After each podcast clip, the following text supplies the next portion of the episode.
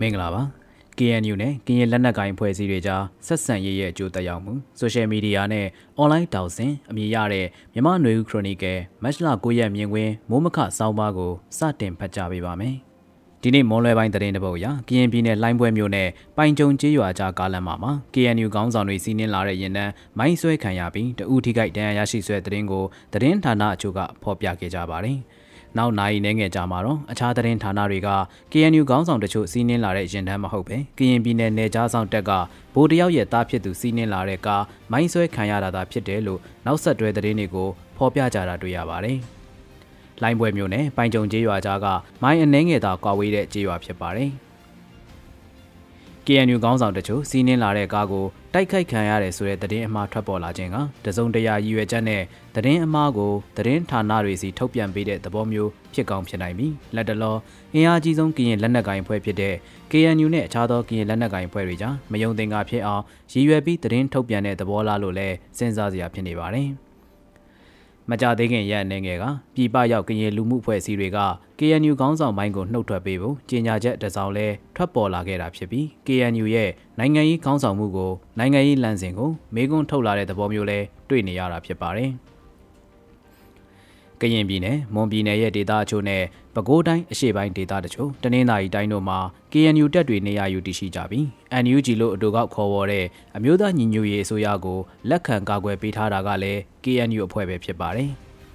ပြီးခဲ့တဲ့နှစ်နယ်ငယ်တွင် KNU အဖွဲ့အနေနဲ့အဖွဲ့ရဲ့မူဝါဒလမ်းစဉ်ပြန်လည်သုံးသပ်တာနဲ့ခေါင်းဆောင်တွေပြန်လည်ရွေးချယ်တာဝန်ပေးတဲ့ Congress ကျင်းပဖို့ရည်ရွယ်ထားခဲ့ပေမယ့်စစ်အာဏာသိမ်းမှုကြောင့်ရွှေ့ဆိုင်းထားခဲ့တာဖြစ်ပြီး အခုနှစ်မှာတော့ကျင်းပကောင်းကျင်းပနိုင်ပါတယ်ဒီလိုချင်းတွေမှာအခုလို KNU ခေါင်းဆောင်အချို့စီးနင်းလာတဲ့ရင်တန်းကိုမိုင်းခွဲတိုက်ခိုက်ခံရတယ်ဆိုတဲ့သတင်းကကရင်မျိုးသားလက်နက်ကင်ဖွဲ့စည်းတွေကြားတန်တရာနဲ့မယုံသင်္ကာမှုတွေပုံမကြီးထွားလာနိုင်ပြီးကရင်လက်နက်ကင်ဖွဲ့တွေကြားတစုံတရာပရိပခဖြစ်ပွားခဲ့ရင် NUG အစိုးရအနေနဲ့လည်းခိုလုံရမဟာမိတ်အဖွဲ့အစည်းတစ်ခုကိုအမြန်ရှာဖွေရမယ့်သဘောမျိုးလည်းဖြစ်လာနိုင်ပါတယ်။ KNU အဖွဲ့နဲ့ကရင်လက်နက်ကင်တွေကြားစီးလုံးညီညွတ်မှုအနေအထားပြောင်းလဲခဲ့ရင် NUG အနေနဲ့လည်းနေမြေအခမ်းရှိတဲ့မဟာမိတ်အဖွဲ့ကိုရှာဖွေရတာမျိုးဖြစ်ကောင်းဖြစ်လာနိုင်ပါတယ်။ KNU ရဲ့မူဝါဒခေါင်းဆောင်ပိုင်းအပြောင်းလဲတွေက KNU တခုတည်းပေါ်မှာသာတက်ရောက်တာမဟုတ်ပဲမဟာမိတ်အဖွဲ့အစည်းတွေစစ်ကောင်စီစန့်ကျင်ရေးအင်အားစုတွေပေါ်မှာပါတက်ရောက်မှုရှိလာမဲ့သဘောလည်းဖြစ်ပါတယ်။ ဒီနေ့ဖို့ခြားတဲ့တပုတ်ကတော့ NUG ရဲ့ထောက်ပံ့ရေးအလှငွေကောက်ခံသူအဖြစ်လူသိများသူဖြစ်တဲ့ပန်ဆယ်လိုရဲ့မြန်မာနိုင်ငံထုတ်ကုန်စားတောက်ကုန်ရောင်းဆိုင်နဲ့ဆက်ဆက်ပြီးပြည်ရင်းကမြန်မာစားတောက်ကုန်ထုတ်လုပ်သူအချို့ကိုစစ်ကောင်စီကဖမ်းဆီးစစ်ဆေးမေးမြန်းနေတဲ့သတင်းပဲဖြစ်ပါတယ်။ဇလုံကြီးပါဝင် အခြားသောစားတောက်ကုန်ထုတ်လုပ်တဲ့လုပ်ငန်းရှင်ချို့ဖမ်းဆီးစစ်မေးခံနေရတယ်လို့ယနေ့သတင်းတွေထဲမှာဖော်ပြထားကြပါတယ်။ပန်ဆယ်လိုရဲ့ကိုပိုင်လုပ်ငန်းဖြစ်တဲ့မြန်မာစားတောက်ကုန်စတိုးမှာတင်ထားတဲ့ပစ္စည်းတွေကို အကျွေးစနစ်နဲ့ပေးတာဖြစ်ကြောင်းဆိုရှယ်မီဒီယာမှာရှင်းလင်းရာကနေစစ်ကောင်စီဘက်က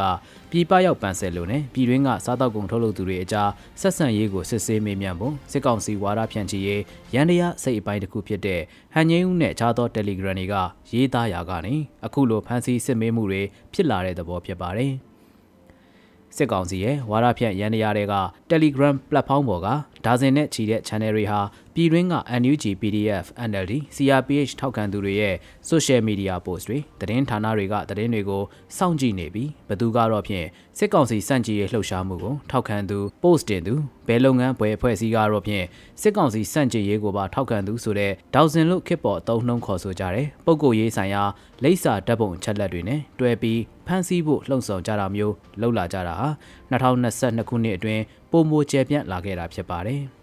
ဒီဝါဒဖြန့်ရန်တရားတွေကသတင်းပေးတဲ့အချက်လက်တွေနဲ့ဖော်ပြခံရသူတွေကငွေညှစ်ပြီးပြန်လွတ်တာမျိုးလဲတလက်စာတဲ့ဖြစ်ပွားနေတာပါ